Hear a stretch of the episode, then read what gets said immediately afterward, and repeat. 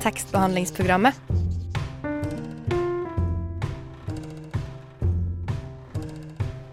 Tekstbehandling på radio.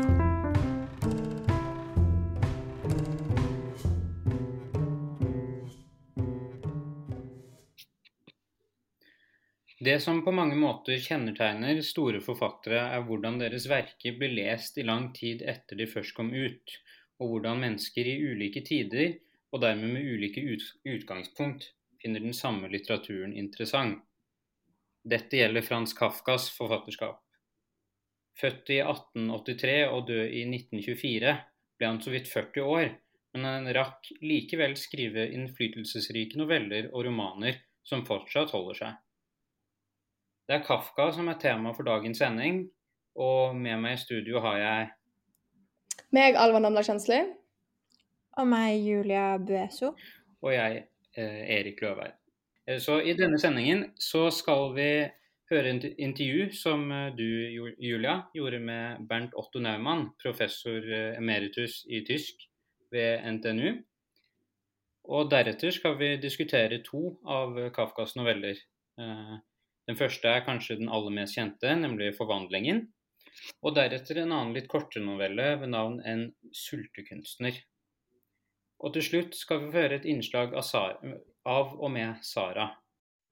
Men eh, aller først så vil jeg begynne med å spørre deg, Alva. Hvilket forhold har du til uh, Kafka? Eh, jo, eh, Kafka er jo et navn jeg føler de fleste kjenner. Eller iallfall jeg har hørt masse om. Men jeg har ikke lest noe av han før nå nylig. Um, før denne sendingen, faktisk. Og, men for, så forholdet mitt er ganske kort, men jeg, liker han. Han er veldig sånn sansende, veldig kortfatta språk, og det syns jeg er gøy. Og han setter på en måte sånn en klaustrofobisk og forundrende stemning med en gang. Og det er sjelden jeg leser en bok som er så klar på stemningen eh, ved første setning, på en måte. Og det han er, ja, han er, jeg liker han. Jeg kommer sikkert til å lese mer av han, håper jeg. Hva er deres andre eh, Hva forhold er det? Mm, jeg har heller ikke lest så veldig mye av Kafka i mitt liv før, før for to år siden, da jeg leste 'Prosessen'. Og fram til det så hadde han liksom vært et navn, bare, på en sånn forfatter som er Man vet er stor, og man vet er kanon, men som føles veldig utilgjengelig og vanskelig av en eller annen grunn. Men da jeg leste prosessen, så syns jeg egentlig bare at den var utrolig morsom og, og rar og ubehagelig samtidig. Uh, og det som slo meg, var språket, som jeg også har sett pris på i veldig stor grad når vi har lest den til denne sendingen. Det er et veldig, veldig tilfredsstillende språk, fordi beskrivelsene hans er så presise, og alt han, alt han skildrer, blir så sykt konkret og levende. Og det føles deilig å lese, syns jeg. Men hva med deg, Erik? Ja, nei, Jeg er helt enig, egentlig. Eh, jeg husker at jeg også leste prosessen faktisk som det første. Eh, det var vel i 2017, husker jeg. Og det husker jeg også veldig godt at jeg satt på toget på vei til København. Og da fikk jeg på en måte litt sånn det, det, var en egentlig eh, litt sånn sterk opplevelse, for jeg fikk så mange på en måte sanseinntrykk både ved å være på toget og liksom se ut av vinduet, samtidig som jeg på en måte fulgte med på uh, en ganske urettferdig straffeprosess i boken. Uh, og det var ikke en så veldig lang bok, så jeg på en måte prøvde å lese litt sakte da, he hele veien. Fordi at jeg syntes det var så spennende og liksom ville få med absolutt alt. Så det var et godt førsteinntrykk. Og veien deretter var vel til forvandlingen. Og så i dag, da, da vi, når vi har lest 'En sultekunstner', som vi også skal snakke om litt senere, som jeg syns var veldig, veldig spennende. Veldig, veldig fin. Det er jo fint at jeg føler vi alle tre har litt samme opplevelse av Kafka. da. At han, eh, vi liker det presise språket, og at han har dratt oss med inn i, inn i noe, eh, noe, noe, nytt, og noe eh, kanskje litt forvirrende, og noe litt ubehagelig, men, men noe som virkelig får oss til å lese videre. Det er, jo, det er jo ikke verst at alle tre har den følelsen. Ja, Mm. Nei, så Det skal bli ordentlig spennende å, å snakke litt om uh, hans forfatterskap i dag. På tide å skru på tekstbehandlingsprogrammet. Yndlingssykkelen de siste seks-sju månedene er en enhjulssykkel. Vi har Marie Eibert på besøk. Jeg og Eline. Marie og Bær. Marie og Bær. Jeg tenker alltid at en T slutter med ø, h, h, h, h, utropstegn, utropstegn. Det er bare tekstbehandlingsprogrammet. Nei, det var ikke så mye å si. Og i forbindelse med denne sendingen, Julia, så har du eh, hatt et intervju. Kan du fortelle om det? Ja, eh, jeg var så heldig å få muligheten til å intervjue eh, Bernt Otto Neumann, som er professor emeritus i tysk ved NTNU. Og der på NTNU så holder de nå på med et tverrfaglig prosjekt hvor de prøver å koble sammen de ulike fagfeltene som NTNU jobber med, og bringe humaniora og språk i forbindelse, eller sette det i forbindelse med, med naturvitenskapene. Eh, og i forbindelse med det så skriver de også om, om Kafka som en, som en forfatter som var en del av et miljø hvor vitenskapen også blomstret, og at det hadde innflytelse på hans verker. da. Og han snakket også om sitt syn på de ulike verkene og på ulike spørsmål vi ønsket å få mer innsikt i. Så det skal dere nå få høre. Her kommer et intervju med Bernt Otto Neumann. Ja, da er vi i gang. Velkommen til deg, Bernt Neumann fra eh, NTNU. Du er professor emeritus i tysk. Vi er veldig glad for at du vil være her og snakke om Kafka og ditt prosjekt med oss. Og da lurer jeg på om du vil introdusere det? Ja, takk for uh, hilsen, uh, kjære Julia. Jeg er som sagt du Johanefte uh, på NTNU. Og NTNU er jo Norges uh, tekniske universitet. Og denne vitenskapelige identitet dreier seg om en formidling mellom humaniora, den såkalte første kultur, og uh, naturvitenskapen, den såkalte andre kultur med blikk på konstituering av en tredje kultur. Men hva handler projektet konkret om? Svaret krever en liten ekspedisjon inn i kulturhistorien og konsekvent transdisiplinær spørsmålsstilling. Jeg gir deg et eksempel. Er, verdenskjente, er de verdenskjente forfattere Frans Kafka og også Michel Welbeck litteraturens svar på Arnold Schönbergs tolvtonemusikk. Hvis man vil. Schönbergs klaversuite forholder seg f.eks.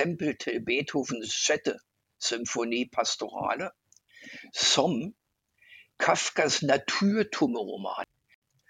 De er karakteristiske, altså Kafkas romaner, er karakteristiske i den forstand at ikke bare menneskets erfaringsverden, men også hele universet begynner å få svarte hull.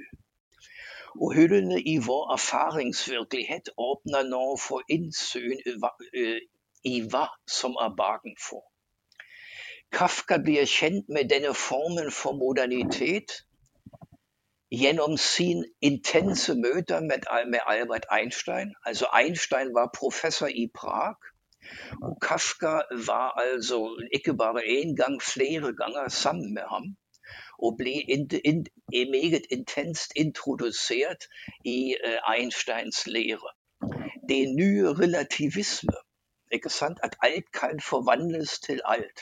Altså, det er min kjernepunkt.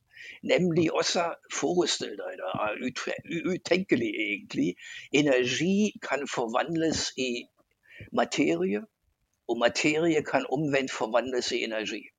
Det er eh, oppdagelsen til Einstein, som han gjorde teoretisk. Og det blir praktisert med siste århundrets store oppfinnelse, nemlig atombomben. Ikke sant? Altså denne skrekkelige oppfinnelse som har sine røtter i Einsteins teorier. Og det var altså eh, formidlet eh, som en ny relativisme gjennom Einsteins relativitetsteori. Og det betød for den hittil harmoniske borgerlige romanen en slags litterær atonalitet. Med det meneste en slags dualisme hvor romanen har i våken drøm sitt nye mønster. Kafkas tekster er drømmeaktige. Våken drøm sitt nye mønster, som i Kafkas Mareritt-romaner. Rundt 100 år senere forkynner Michael Houellebecq, som også er vår forfatter, at moderne litteratur kan bare skrives av forfattere som kjenner til det meste utviklingen i verden. Forbløffende, og da vil jeg rose vår forskningsgruppe, det forbløffende er at vi har egentlig oppdaget at det består en meget tett forbindelse mellom Kafka og Kafkas tekster til faktum at Einstein var i Prag. Eh, på denne, del, på denne måte dreier det seg om et transdisiplinært emne. Kjerneområdet for NTNU som Norges eneste teknisk-naturvitenskapelige universitet. Så langt altså hva jeg ville si om eh, vårt projekt. En, to, tre. T-E-K-S-T-B-E-H-A-L-D-L-G-P-R-O-G-A-M Tekstbehandlingsprogrammet på Radio Nova. Em, det første vi da lurer på med tanke på vår episode om Kafka, er hvem han var, og hva, hans, hva med hans liv som reflekteres i hans bøker. Altså det er sånn prinsipielt, må jeg si, at denne måte å oppdage eh, sporer eh, til forfatterens liv i tekstene, er meget komplisert hos Kafka. Fordi de er egentlig på en abstraksjonsnivå, ja, skjønner du, som eh, ikke tillater sånn direkte forbindelse. Men hva jeg vil si er det følgende, og det har noe å gjøre med uh, min introduksjon i projektet. Kafka er egentlig forvandlingens forfatter. Og det er ikke tilfeldigvis, og dere var jo også, og du var også interessert, f.eks. i uh, metamorfoses, altså forvandlingen. Kafka er forvandlingens forfatter. Og Kafka i den forstand også eh, barn, hvis man vil, av Praha. Fordi Praha var siden middelalderen altså med alle disse vitenskapelige folkene som var forsamlet i Praha, interessert i forvandlingen. Og det dreier seg egentlig fra Tycho Brahe og tidlige astronomer til Einstein at sånn folk var tiltrekket av Praha, og prøvde egentlig å oppdage først uh, med alkymistiske midler uh, Man kan ikke fremstille gull og sånne ting. Og etterpå endte det opp i denne form av forvandlingen som Einstein, jeg har beskrevet det, som Einstein teoretisk oppdaget. Nemlig du kan forvandle energi til materie, og materie til energi. Og nå kommer jeg tilbake, og Kafka er virkelig eh, forvandlingens forfatter. Og hvis du tenker altså hans gjennombrudd i uh, sin måte, altså i sin uh, forfatterkarriere, var jo denne, denne forvandlingen altså denne metamorfosis, heter det på engelsk. Og det var altså en gjennombrudd hvor Kafka uh, alltid var interessert at vi kjenner egentlig ikke den virkelige kjernen av noe. Ja?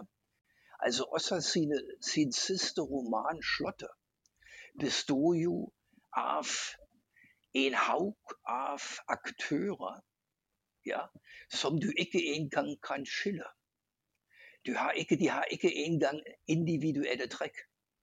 Og det kan du forstå som Hannah Arendt har forstått det, nemlig sånn kritikk administrasjon og denne, uh, denne alt uh, overveldende uh, form av en anonym forvaltning, som vi alle kjenner.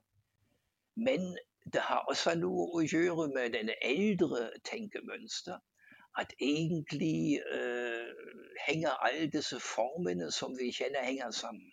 Og de kan skifte over i hverandre.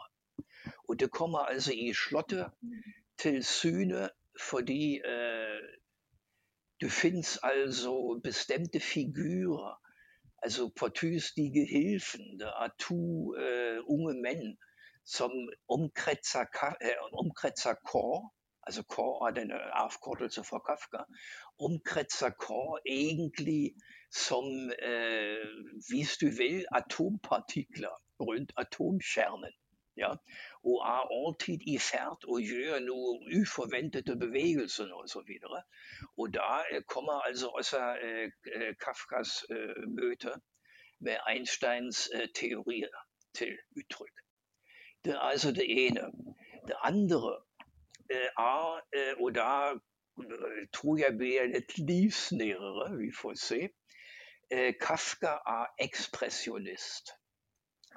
Og ekspressionisme, der ved du, er egentlig bestemt af ja, dominerende og delvis forfærdelige farsfigurer, som overskygger disse stakkars sønnenes skjebne.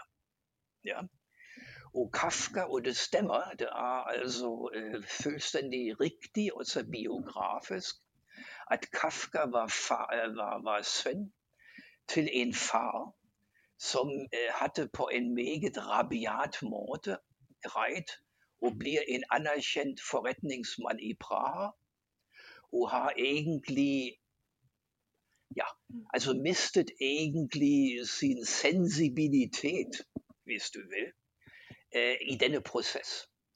Og den frygtelige erfaring for denne far, som på sin måde var jo også et stakkars væsen, var, at hans store håb, den ældste søn, Franz Kafka var den ældste, og faren var selvfølgelig sådan traditionel øh, mandsskikkelse, som bare forventet øh, en mandlig efterfølger.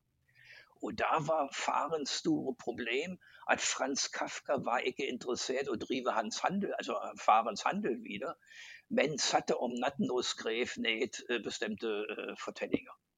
Og det, var, til en forfærdelig skikkelse for Franz Kafka. Og på denne måde har for eksempel i Das Urteil, altså dommen, øh, kommet denne forfærdelige farsfigur ind i Kafkas litteratur. Og det er altså, hvad Kafka har fælles med denne ekspressionisme.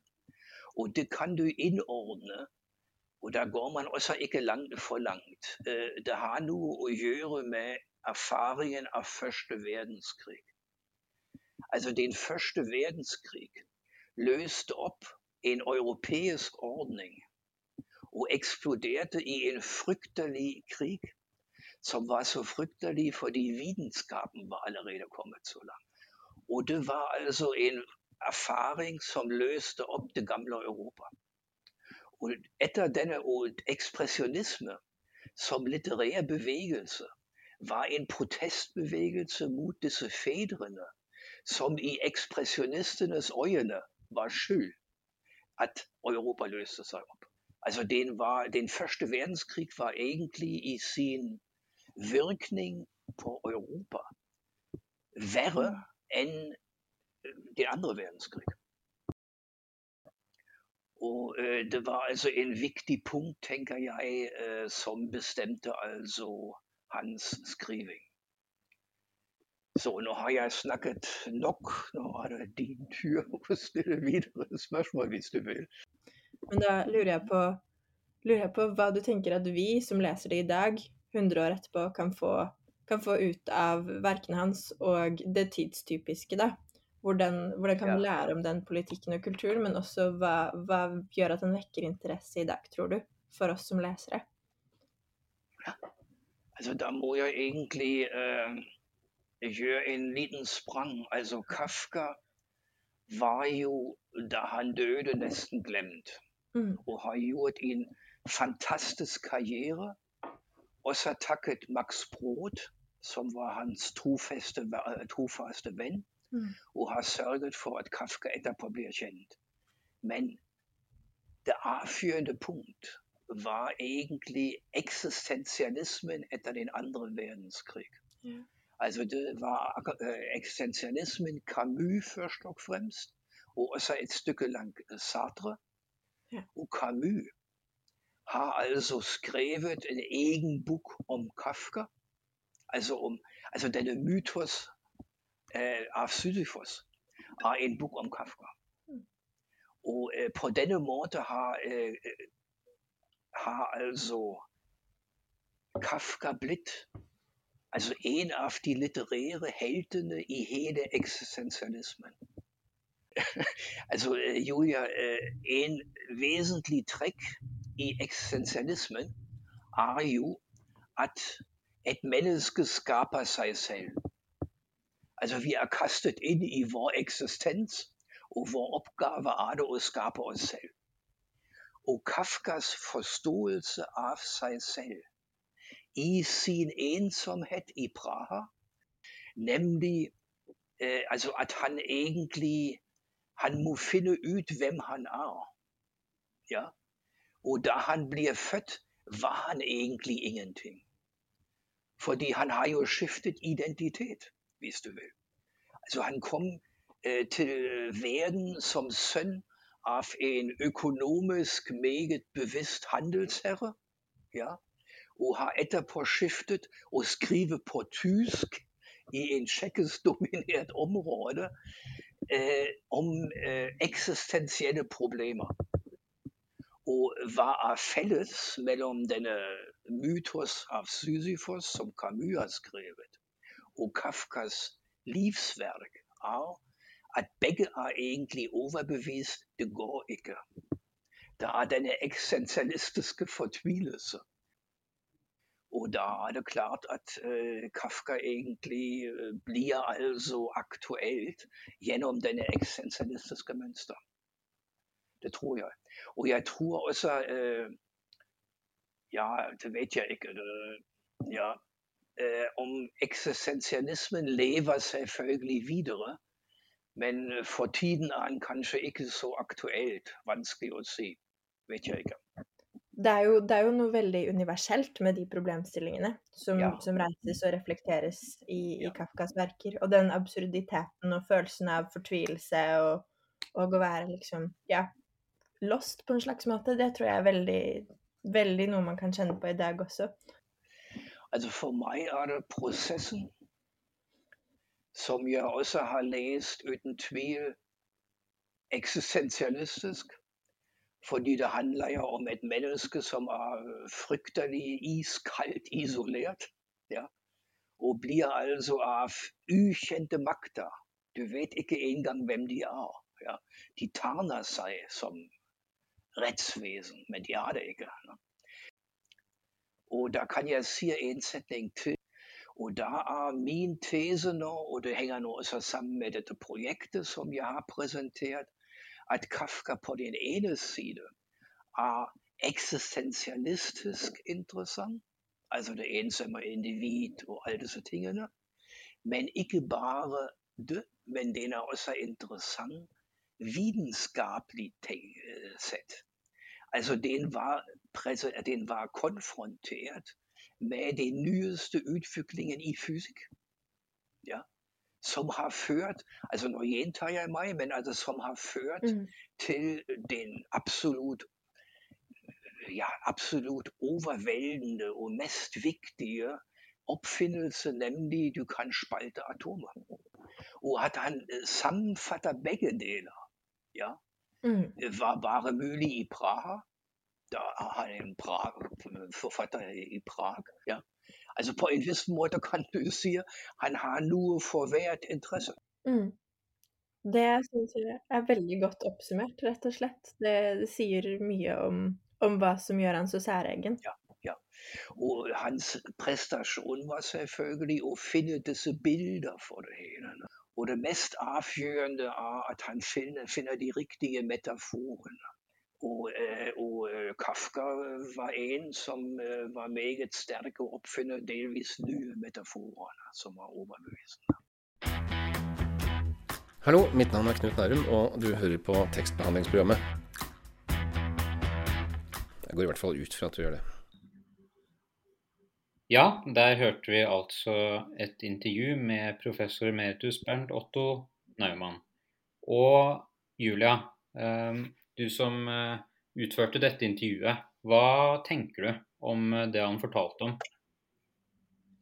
Det første jeg tenkte, var at det på en måte var veldig Eller mens jeg hadde det, så tenkte jeg at det var mye informasjon og mange ting han var interessert i samtidig, nettopp fordi at han hadde dette tverrfaglige perspektivet. Men han var liksom også interessert i eh, Kafka som en del av den tiden, da.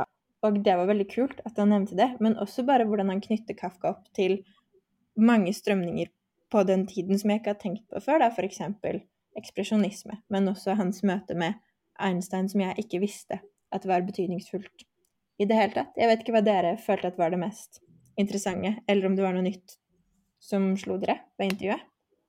Ja, nei, For meg var det nok også den uh, koblingen til uh, vitenskap, egentlig. Vitenskap og kanskje også logikk, uh, som var veldig spennende.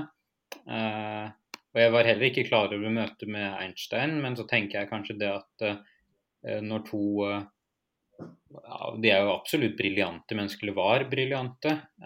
møtes, så det, blir det kanskje veldig interessante samtaler og produkter ut av, ut av det. Så det var eh, på mange måter overraskende, men eh, kanskje ikke helt uventet. Og det var jo en veldig spennende tid i Europa. Også etterpå, eh, etter Kafkas død, så var det vel nevnt også dette med eksistensialismen. Mm. Hvordan hans bøker da påvirker de, den tankegangen, altså eksistensialismen. Eh, hva tenker du, eh, Alva? Jo, jeg er jo helt enig i alt det dere sier. Eh, men jeg syns også det var litt interessant dette med sånn Den generasjonsprotesten han hadde mot, mot faren, og, og, og, hvordan det kom på en måte til syne i både forvandlingen og ja, de fleste han har skrevet, på en måte. Og det, det, har ikke jeg tenkt på. Jeg er, egentlig, jeg er ikke så glad i på en måte, å kunne som fatteren før jeg leser dem, men jeg skjønner på en måte at Frans Kafka uh, har en så viktig fysisk rolle i verden, som også er så viktig i bøkene hans, at, at den koblingen der er viktig. Og Det synes jeg var litt interessant å høre om. Men også det der med, med alle de personene og den tiden jeg levde i, og alle de omveltningene han var en del av. Det er jo interessant. Ja. Og en annen ting som jeg også tenkte litt på, var på en måte hvor kanskje avansert man kan gjøre Kafka. Altså Han er jo ikke akkurat enkel lesning, selv om det han har skrevet ikke er veldig lange bøker eller noveller, men også på en måte hvor avansert og i, ulike lys man kan se på, man kan se på uh, litteraturen hans, da, som også uh, professor nevnte. Vi uh, skal gå litt videre i sendingen, og nå skal vi ta for oss to av Kafkas noveller vi starter med den eh, kanskje aller mest kjente, eh, som heter for 'Forvandlingen'. Og eh, Alva, kan ikke du oppsummere den kort? Jo, det kan jeg. jeg kan først, den kom jo ut i 1915. passer bra inn i den krigskonteksten. Ja. men den handler om Gregor Samsa, som blir forvandla til en bille. Og så handler egentlig resten av historien om hvordan familien takle det. Og så sitter boken her en helt veldig veldig ikonisk åpning, eh, så jeg vil bare lese den kort, for det forklarer egentlig Jeg setter stemningen. Eh, og den går som sånn. Da Gregor Samsa våkna i senga si en morgen av urolige drømmer, var han forvandla til et uhyrlig kryp. Og der er på en måte historien, og der begynner vi. Eh, og så forvandler Ja. Um, har du noe mer å tilføye? Nei, altså det er jo egentlig det som skjer i, uh, i novellen. Og også litt uh, han, hvordan familien hans også reagerer på han som en bille. Og hvordan på en måte det også er litt i bry, kanskje. Og deres litt ganske ulike reaksjoner, egentlig. Vi kan jo f.eks. ta faren, som er uh, Eller som vel var en Eh, slags eh, eh, forretningsmann. men som egentlig har gjort det ganske dårlig i forretningene, og vel er arbeidsløs i, når, no, no, altså i novellens gang. Um, og hvordan på en måte også disse Ja, hvordan kanskje dette med Kafkas eget forhold til sin egen far eh, spiller inn eh, i historie, altså i selve fortellingen. Er det noen av dere som har eh, tenkt over akkurat det? Ja, jeg, jeg føler at hele familien til, eh, til um, personen som jo blir forvandlet, altså Sansa, som han heter, eh, er, er betydningsfull fordi at, at det, er, det, er, deres reaksjoner han egentlig bryr seg om, og de følelsene av, av, skam og å ikke være ønsket, og at de frykter han, og at faren også eh, framprovoserer denne skammen, da, og at han på en måte har fått den forsørgerrollen og må nedbetale farens gjeld, og at det er det arbeidet som er så utrolig viktig å komme til, særlig i starten av novellen, så forsøker han å komme seg på jobb selv om han åpenbart ikke er et menneske lenger. Eh, og at det virker som han gjør det som en slags sånn eh, Av familieplikt, da. Og, og overfor faren også, tenkte jeg på. Ja, for det blir jo en slags eh, En ganske tydelig kontrast, egentlig, på både han og faren og kanskje resten av familien. da. For eh, du har jo Gregor som er veldig eh, pliktoppfyllende og samvittighetsfull overfor familien og vil liksom deres beste. Men så får han på en måte ikke kanskje det han fortjener igjen, da. Eh, som jeg kanskje tenker er litt Kanskje et slags underliggende tema her. Eh, dette med tilfeldigheter. Eh, altså hvordan man på en måte Kanskje plutselig en dag da, Det er jo, blir et bilde på ting, da, eller bilde på et, en voldsom og kanskje litt urealistisk, eller veldig urealistisk eh, handling, kan man si. Altså, det er jo ganske absurd å tenke seg at man skulle våkne opp som en bille eh, fra en dag til en annen. Men eh, dette med på en måte hvordan sånne tilfeldigheter kan endre synspunkt på mennesker. Og det i dette tilfellet til noe negativt, vil jeg absolutt si. Mm. Det er som man innser at han aldri har fått den anerkjennelsen han har villet ha, fordi at ja. de er så raske med å avvise han og stue han inne på et rom, eh, og ikke gi han noen form for kjærlighet da, i det hele tatt. Bare, de, de, føler bare frykt for han. Mm. Ja. Jeg synes det er også litt interessant at han i løpet av novellen så blir han jo på at det er mer og mer et, et, en bilde. Mm. og, og løpet, når han blir mer og mer et bilde, så blir også den eh, forholdet til familien forandrer seg også eh, når han blir en, mer enn bilde. Eh, hvis det gir mening. Han blir jo ja. ja. Mm, mer fremmed fra dem for, for, alt som endrer seg. Ja. Ja. Men allikevel så opprettholder han egentlig, selv om liksom det fysiske um, forandrer seg veldig, så opprettholder han allikevel sin personlighet hele veien. da. Som jeg syns er mm. imponerende, hvordan han på en måte klarer å være så uh, rolig. Uh, egentlig ganske stoisk gjennom hele fortellingen. Um, jo, jeg bare tenkte fordi jeg venter, Det med at han, han, han, takler det så bra Jeg venter på en måte gjennom hele romanen at han på en måte bare skulle bli litt gal og bare være sånn Åh, hvorfor skjer dette med meg? Og bli skikkelig sånn der Sette seg i opposisjon mot det som skjedde. Men han gjør ikke det. Han bare takler, takler det stille og rolig. Og er sånn Ja, ja. Mm. Det går bra, eller det får gå som det går. Og det, ja, det kommer aldri den forløsningen der, på en måte. Nei. Han syns jo veldig synd på familien sin, liksom. Han er veldig sånn Dette her, denne, denne store påkjenningen som min familie opplever ved å gå inn i dette rommet, på en måte. Eh, det virker som om han syns mer synd på dem enn på seg selv til tider. Mm. Det er interessant.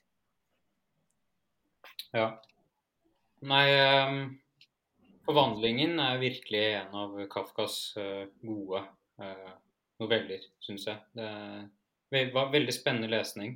Tekstbehandlingsprogrammet for deg som vil ligge på en skinnfell foran peisen og drikke vin og høre på gode bøker. Og så begynner vi.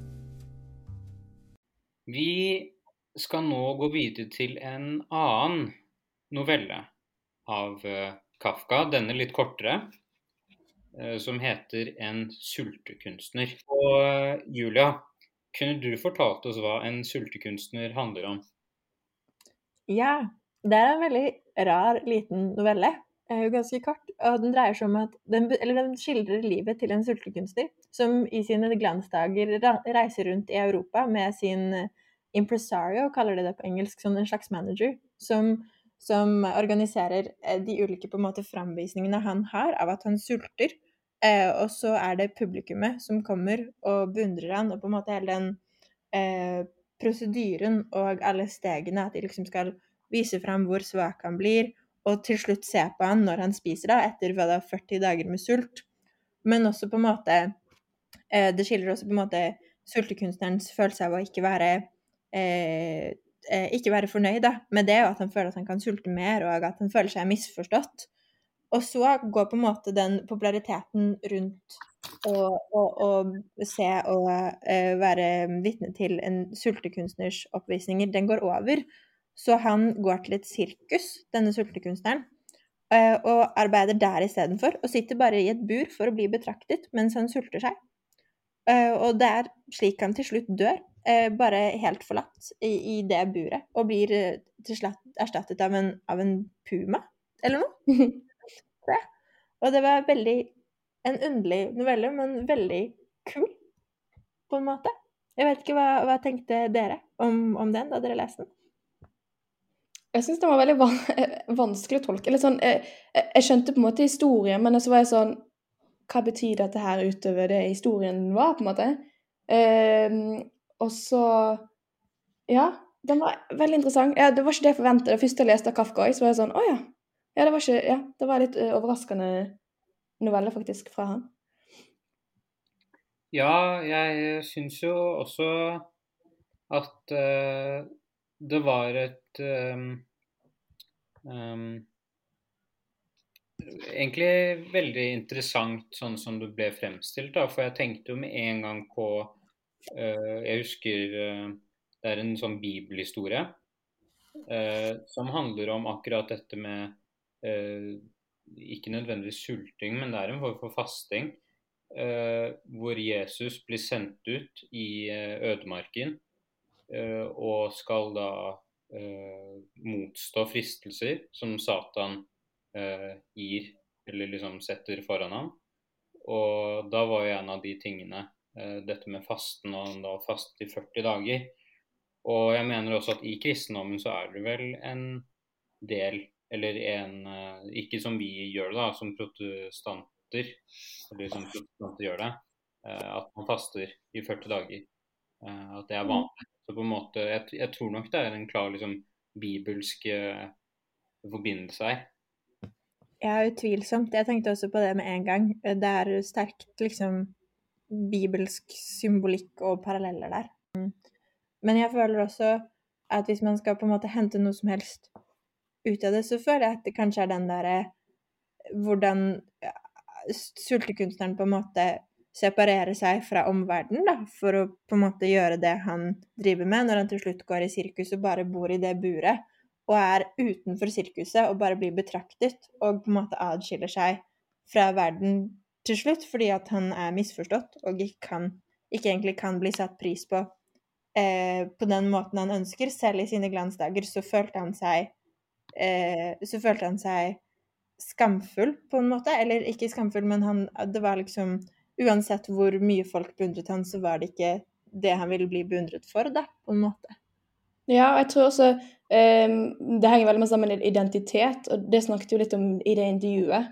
Eh, det der med det eksistensielle, og det er på en måte For identiteten hans var jo å være sulten, på en måte. Og, og hvis ikke han hadde det, så hadde han på en måte ikke noen identitet. Um, og, og, og at han på en måte ikke klarer å skape seg en ny identitet når han ikke har et publikum som betrakter ham, på en måte. Og det føler jeg er litt trist sånn, i, i, alle, sånn, i Kafka, at alle prøver å skape seg en identitet i den situasjonen de er i, men så ender de opp med å, med å gi opp. Eller i hvert fall litt, både i forvandlingen og i, i den her, så dør begge to på slutten. Mm. Og her er det som han kommer med en slags sånn innrømmelse. At han, fordi han sier jo til slutt at han Spoiler, men at han ikke likte noe som helst. At han ikke likte mat. Og at det var derfor han kunne sulte på en måte. At beundringen han ønsket, aldri var fortjent. Og det føles ut, ut som på en måte der hele den derre eh, følelsen av bedrag og, og ønske beundring, men, men og kanskje ikke føle at man fortjener det. Eh, som også er litt spennende. Ja, og det er jo litt motsatt av, eh, av forvandlingen, hvis vi skal sammenligne de to. Mm. Um, for der eh, ønsker han jo på en måte å få en aksept, men han får bare avsky. Mm. Mm. Er det noe mer dere tenker på som er sånn Dette er klare paralleller som gjør bøkene eller verkene typiske for Kafka? Eller setter en spesiell stemning? Eh, ja, da tenker du vel på liksom, altså begrepet Kafka-stemning, kanskje? Mm. Eh, jeg tenker vel um, Eller nei, her har jeg faktisk ingenting. Beklager. Uh, det, det kutter vi. Um, Alva, du har sikkert noe. På kafkaesk? Ja. Um, jo, altså det, eh, det, jeg tenker på som, som, er en sammenheng mellom de to bøkene, men som også det, er jo på en måte Fransk Kafka er jo kjent for dette kafkask eh, stemningen av, av, at man um, At man står for Eller sånn absurditet um, At man står for sånn byråkratisk lovgivning man ikke forstår. Altså, det å ikke forstå seg på den verden man lever i. Um, og jeg føler jo både Sultenkunstneren og Forvandlingen Jeg føler kanskje spesielt Forvandlingen er god på å forklare den kafkeske stemningen, på en måte. Men Sultenkunstneren gjør det jo kanskje litt på en, mer, på en annen måte.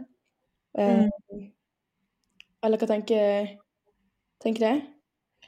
Det er jo begge deler er Begge verker liksom presenterer oss med to karakterer som på en eller annen måte er på utsiden av noe, eller blir satt på utsiden av et eller annet samfunn eller et eller annet fellesskap, altså henholdsvis familien og, og det publikummet som sultekunstneren prøver å eh, få kontakt med.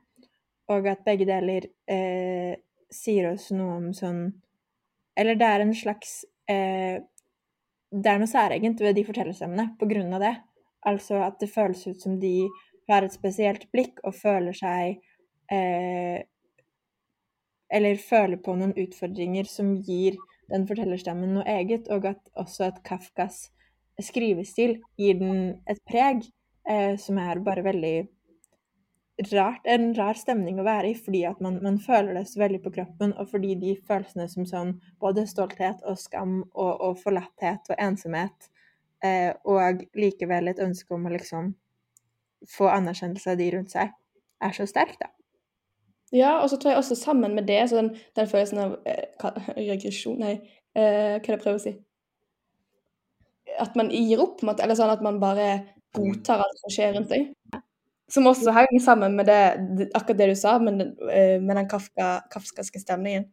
Eh, Mm. At man bare ja, godtar. ja. Mm. Sant. Ja. Nei, eh, en ting jeg merket meg litt da, i akkurat denne novellen, var at uh, på en måte bakgrunnen, da, eller selve historien, er egentlig ganske enkelt bygd opp. Uh, litt med på en måte at det er veldig få komponenter, altså det er veldig få mennesker som egentlig er med, som er av betydning. Det er vel eh, selve sultekunstneren som på en måte blir eh, et veldig naturlig midtpunkt i historien, men du har jo på en måte han eh, assistenten også, som kanskje representerer litt folket, da. Uh, at han syns på en måte at det, denne sultekunstneren er litt rart. At han holder på med egentlig ikke støtter noe særlig. Derav at de skiller lag på et tidspunkt. Uh, I Mm. tillegg tenkte jeg også på en annen ting, og det var uh, også igjen ganske tydelige motsetninger. Uh, F.eks. mellom sultekunstneren og denne panteren, som man, snakker, som man uh, får høre om senere i historien.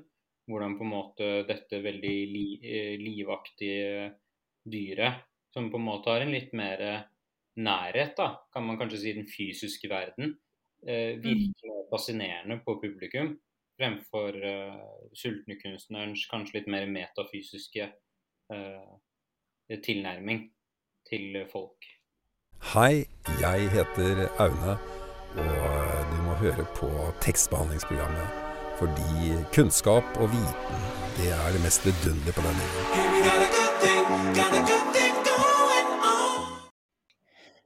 Ok, Vi snakker jo om Kafka, men har dere egentlig lest eh, 'Prosessen'? Det er jo hans mest kjente roman. Ja, selvfølgelig har jeg det. Ja, det har jeg. OK, for jeg tror kanskje Sara kunne trengt eh, deres hjelp.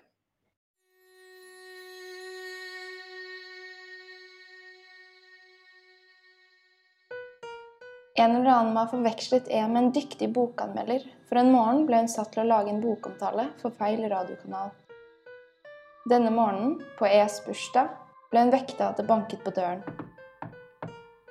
Hun trodde selvsagt det var en av hennes samboere, men da hun ikke svarte med en gang, og døren åpnet seg, kom to helt ukjente mennesker inn. Hadde hun ikke kunnet se ansikter, hadde hun trodd de var vennene hennes. Hvem er dere? spurte hun, ikke uten en viss redsel i stemmen. De ignorerte spørsmålet og gikk bort til sengen hvor E satt med bøyd rygg. Skal du ikke stå opp? sa han laveste av dem. Jeg skulle til å spørre dem hvem de var på nytt, men ble avbrutt. Det er blitt bestemt at du skal skrive en bokomtale. En bokomtale? Hvorfor det? svarte jeg, som begynte å tenke at det hele kanskje var en spøk. Men hvem er dere egentlig? Vi har blitt sendt fra Rikskringkastingen for å gi deg denne beskjeden. Den laveførte samtalen, mens den andre hadde satt seg i vinduskarmen. Hvorfor skal jeg skrive en bokomtale for Rikskringkastingen? De to unge så på hverandre, men svarte ikke, så jeg fortsatte. Og hvilken bok er det snakk om? Det kan vi dessverre ikke svare på, da vi ikke vet det selv. Vi er kun her for å gi deg beskjeden, sa den høyeste som nå hadde tatt ordet for første gang. Få på deg noen klær og få i deg litt frokost, slik at du kan få startet på omtalen før du skal møte underredaktøren. Jeg begynte å kle på seg. Hvordan kan jeg begynne før jeg vet hvilken bok jeg skal skrive om? Det så ikke ut til at de to budbringerne, som allerede var på vei mot døren, hadde tenkt å svare.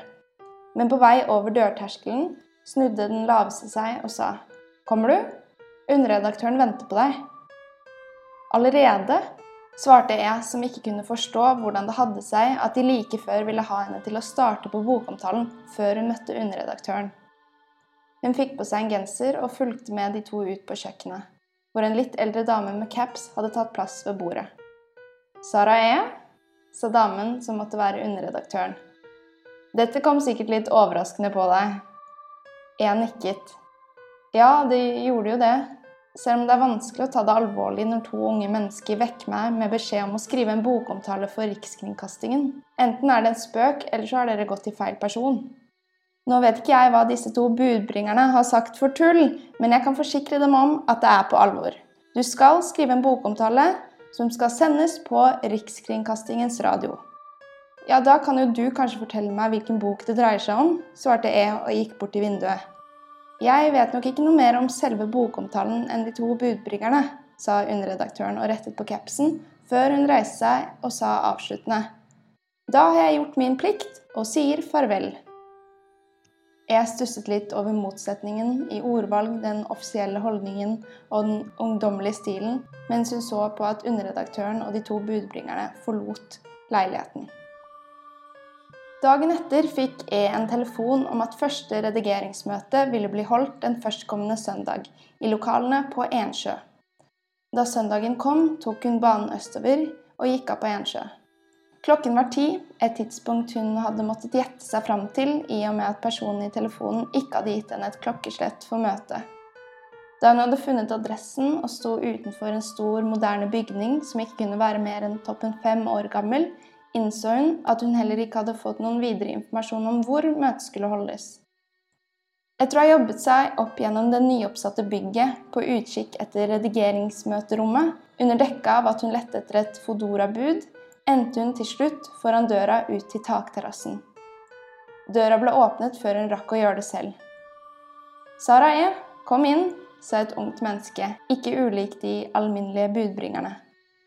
Jeg gikk inn døra og ut på takterrassen, som til hennes store overraskelse ikke var under åpen himmel, men dekket til av gjennomsiktig plast og delt inn i ulike seksjoner av grå skillevegger. Det var varmt og klamt som i et drivhus. Overalt innenfor skilleveggene sto det grupper av mennesker som snakket og lo. Flesteparten hadde caps på hodet. Langs skilleveggene, som lagde en slags midtgang i kontorlandskapet, satt flere folk på stoler, men disse folkene satt alle med bøyd rygg og så ned, og alle hadde de plassert en papirbunke under stolen. En av dem så på E. Hva venter du på? spurte en stakkarslig person på stolen. Da personen ikke så ut til å tørre å svare, sa den unge som hadde sluppet inn E. De sitter her hver dag og venter på å få ferdiggjort bokomtalene sine, slik at de kan leses opp på radio.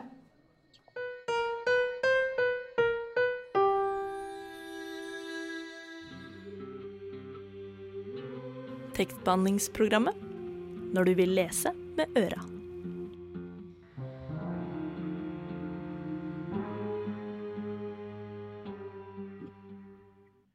Sendingens er ved veis ende, og hvis du har lyst til å høre mer fra tekstbehandlingsprogrammet, hvor er det du må gå da, Alva? Jo, eh, da må du gå egentlig der du hører på podkast. Eh, Spotify, SoundCloud, anywhere, anytime. Eh, do that. Kunne ikke sagt det bedre. Tusen takk for i dag.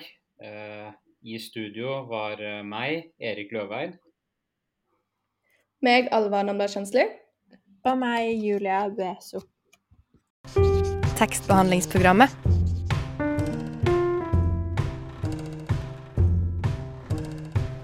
Tekstbehandling på radio.